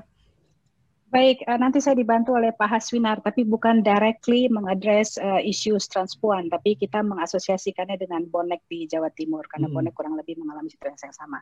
Uh, cuman sebelumnya saya mau bercerita sedikit. Uh, saya dulu juga pernah bekerja di komunikasi untuk HIV and AIDS dan uh, bekerja sama dengan transpuan. Salah satu teknik komunikasi yang kita pakai adalah yang namanya role model story text. Uh, itu adalah semacam flyers gitu ya, tapi kita melakukan wawancara dengan orang-orang atau transpuan yang berhasil memakai kondom setiap saat uh, mereka berhubungan seks gitu ya dengan kliennya atau dengan uh, partnersnya dan uh, perlakuan dia memakai kondom itu berbeda dengan budaya dia atau norma kelompok dia norma dalam kelompok dia adalah tidak memakai kondom. Tapi ada satu dua orang yang mau memakai kondom. Nah, mengapa dia memakai kondom? Itu kita susun dalam sebuah cerita cerita itu menggambarkan bagaimana dia uh, bertingkat tahapan perilakunya dari tadinya tahu mengenai kondom, sadar mengenai kondom, bagaimana bisa melindungi dari HIV, sampai kepada mau memakai kondom dalam satu atau dua kali hubungan seks. Nah, cerita ketika dia naik tangga dari uh, awareness menjadi praktik, itu yang kita tangkap dalam cerita. Sehingga ketika cerita ini dibaca oleh teman-teman peernya, yang mempunyai budaya yang sama, gaya hidup yang sama, dan uh, mungkin bahasa yang sama, itu dianggap sebagai sesuatu yang uh, aktual, sesuatu yang real, yang bisa dilakukan karena apa yang dilakukan adalah sama dengan uh, peer saya. Jadi uh, terdorong akhirnya untuk ini bahwa mungkin kok kalau pakai kondom dengan gaya hidup kita dengan cara hmm. cara kita mencari nafkah dan seterusnya. Itu adalah satu teknik dalam uh, komunikasi yang sifatnya lebih intensif dibandingkan uh, media massa karena dia mengadres pada satu kelompok tertentu. Uh, Pak Hasminar bisa share mengenai bonek di Jawa Timur dan bonek ini adalah hasil dari penelitian kita juga. Sangat menarik sekali bonek ini karena ada tapi nggak ada gitu barangnya. Uh, Haswinar? Ya, Oke okay, Mbak Dian, makasih. Selamat siang semuanya. Uh, cerita tentang transpuan itu saya pikir juga hampir mirip ya dengan apa uh, penelitian kita juga di Surabaya mengenai bonik itu gitu. Dalam pengertian bahwa di dalam keadaan krisis kita bisa lihat bahwa pandemi ini uh, menjadi semacam krisis gitu. Uh, orang-orang marginal itu sering kali ini bukan dalam soal penyakit aja, tapi dalam soal revolusi segala macam itu kisah bahwa orang marginal ini kemudian menjadi hero di dalam saat krisis itu banyak sekali. Dan ini hmm. mungkin uh, sedikit petilan dari kisah-kisah seperti itu gitu. Dan itu ada reasonnya kalau kita lihat dari temuan kita di bonek ini gitu kan. Uh, karena uh, yang pertama ketika mereka terpikir atau mau ikut kiprah di dalam soal penanganan COVID, mereka juga melihat potensi bahwa eh, hal itu bisa mening, apa ya menjadi semacam uh, satu proses di mana mereka bisa meningkatkan uh, apa namanya derajatnya atau me, me, mengkoreksi pandangan-pandangan yang ada pada masyarakat tentang bonek itu kayak apa. Yang tahunya berantem aja yang tahunya bikin keonaran segala macam tapi sebetulnya mereka sebagai organisasi punya uh, apa namanya kemampuan atau semacam social capital untuk uh, membantu melakukan penanganan COVID gitu kan. Uh, apa namanya dan yang kedua mereka juga penting karena mereka juga punya wilayah-wilayah kerja gitu. Di Surabaya itu terbagi jadi beberapa wilayah kalau nggak salah dan mereka uh, apa namanya uh, beroperasi di tempat-tempat seperti itu sehingga mereka bisa uh, apa namanya cukup banyak membantu dan hebatnya eh, sebelum mereka menasihati orang lain tentang bagaimana menangani COVID dan segala macam, mereka cukup berjibaku untuk memperbaiki eh, eh, perilaku yang ada di kalangan anggotanya sendiri gitu kan. Karena mereka suka kumpul-kumpul, suka minum-minum, suka apa namanya uh, kerumunan dan sebagainya, nah, mereka mencoba untuk mengkoreksi itu dulu sendiri gitu, baru ke pihak-pihak yang lain. Jadi uh, apa namanya uh, hal, hal itu sangat sangat membantu juga. Yang ketiga, uh, ini berkaitan dengan beberapa isu yang sudah didiskusikan tadi. Mereka itu ketika berperan, uh, mereka masuk ke ranah yang sulit sebetulnya dijangkau oleh uh, apa namanya strategi komunikasi atau teknologi komunikasi yang dimainkan oleh pemerintah atau pihak-pihak yang lebih resmi gitu kan. Karena mereka bisa masuk ke ke kaum yang juga marginal mereka yang tergolong miskin tapi juga bukan hanya miskin tapi juga eh, apa namanya anak-anak muda dan sebagainya gitu kan. Dan di ranah yang lebih private seperti itu itu intervensi ke ranah itu sebetulnya sangat penting gitu. Karena eh, di ranah itu sebetulnya eh, marak dengan nilai dan norma-norma yang dibahas tadi yang sifatnya sebetulnya setelah kita kaji sama-sama kita lihat uh, kebiasaan mereka itu benar-benar anti prokes gitu kan. Jadi kesulitan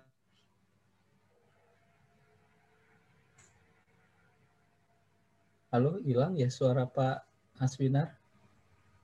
Ada gangguan ya di oh, iya. di Depok suka gitu dia kalau lagi ngomong tiba-tiba hilang tapi dia masih ngomong sendiri. oh. Orang yang nggak tahu. Dan besar yang ibu. Sepertinya ya. Iya.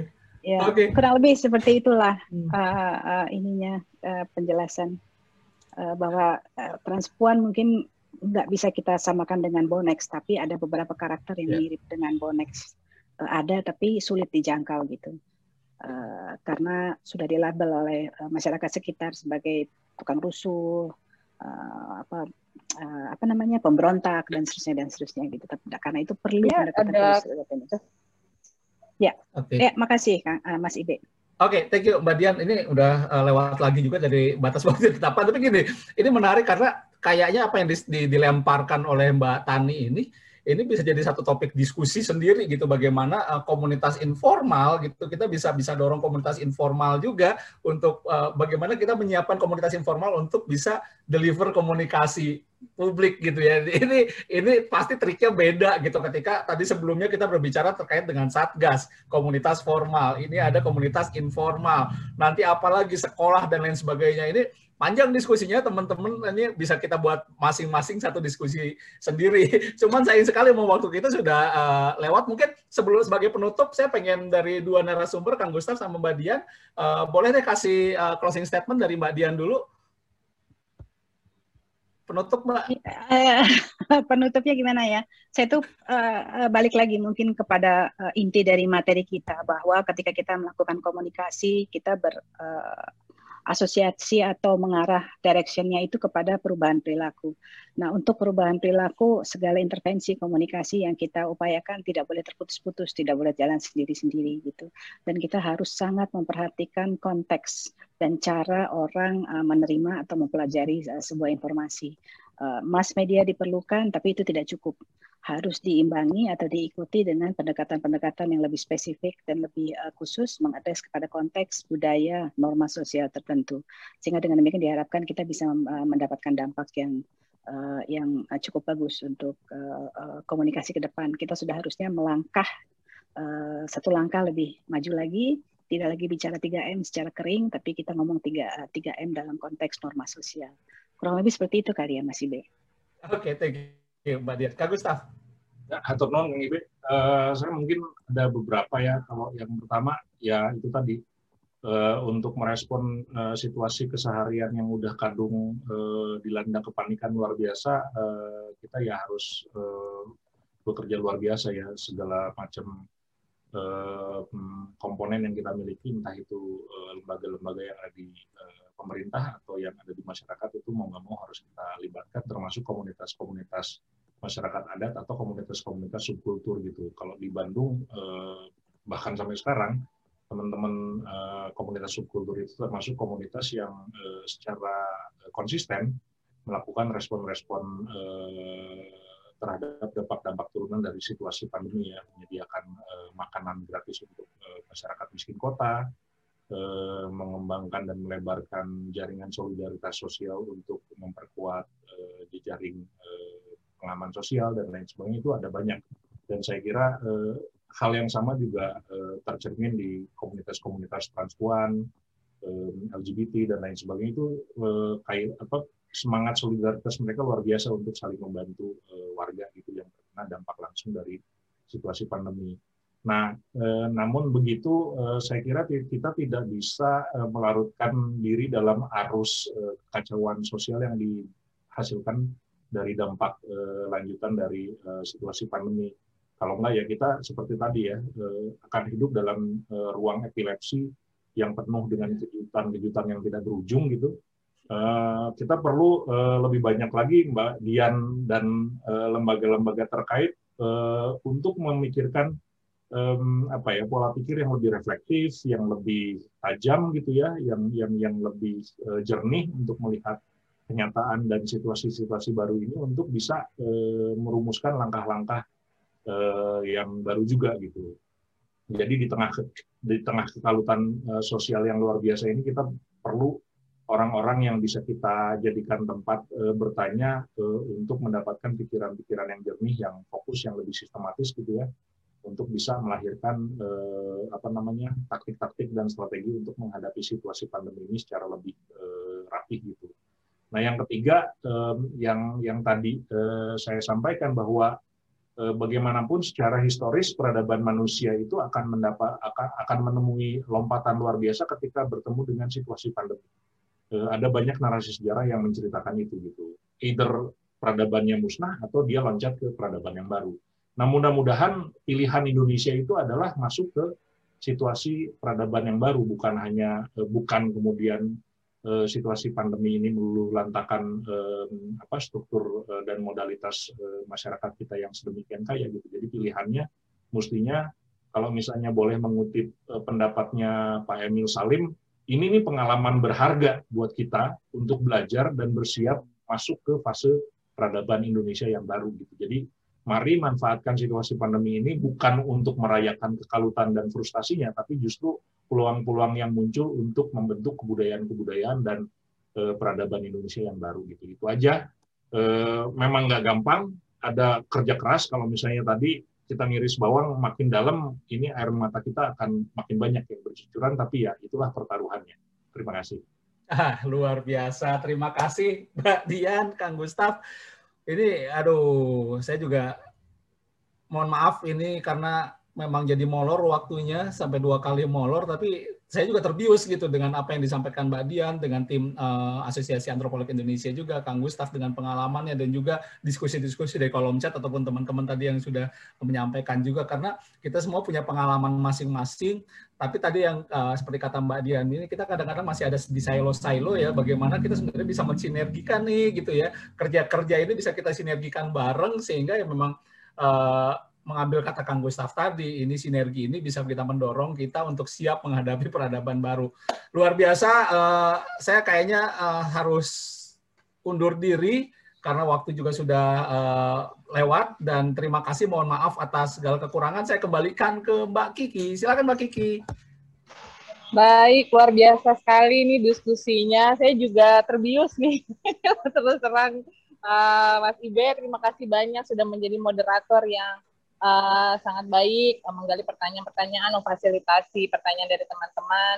Kang Gustaf, terima kasih sudah berkenan hadir. Saya uh, berharap mudah-mudahan diskusinya tidak berhenti di di sesi siang hari ini. Mungkin kalau nggak keberatan, Mas uh, Kang Gustaf bisa gabung di uh, kelompok kerja RCCI kita untuk memberikan input, untuk memberikan saran, untuk diskusi lebih lanjut gitu ya. Jadi nanti punten akan kita undang ke grup uh, RCCI Working Group Mbak Dian, terima kasih banyak sudah mau sharing hasil studinya, sudah mau mendengarkan input dari teman-teman. Mudah-mudahan kita bisa membantu memfasilitasi masukan ini kepada Satgas, kepada KPCPEN, suara-suara dari komunitas. Saya pikir berbagai pembelajaran yang kita diskusikan hari ini sangat penting untuk penanganan pandemi ini ke depan. Ya, kita nggak bisa lagi dengan cara-cara yang yang bisnis as usual gitu lah. Kita perlu berpikir lebih dalam, per, ber, perlu berpikir lebih uh, kreatif, perlu melibatkan lebih banyak orang. Nah, ada masukan juga dari beberapa teman bagaimana jika uh, kita ini sepertinya perlu diskusi lanjutan nih, uh, Mas Ibe, uh, Mbak Dian, Kang Gustaf, Mas Risang, kawan-kawan yang lain yang semua di sini. Bagi yang tertarik, nanti mungkin akan kami uh, share link untuk uh, diskusi terkait dengan hal ini untuk membahas ini lebih lanjut buat teman-teman yang tertarik. Karena diskusi ini uh, kita sepakat untuk lakukan per dua minggu, tapi mungkin minggu depan kita coba arrange untuk uh, bisa meeting Zoom call gitu bersama teman-teman yang tertarik untuk membahas ini lebih lanjut, untuk bisa memformulasikan uh, apa rekomendasi-rekomendasi uh, untuk uh, Satgas maupun untuk uh, KPCPEN dari apa yang kita uh, bahas tadi.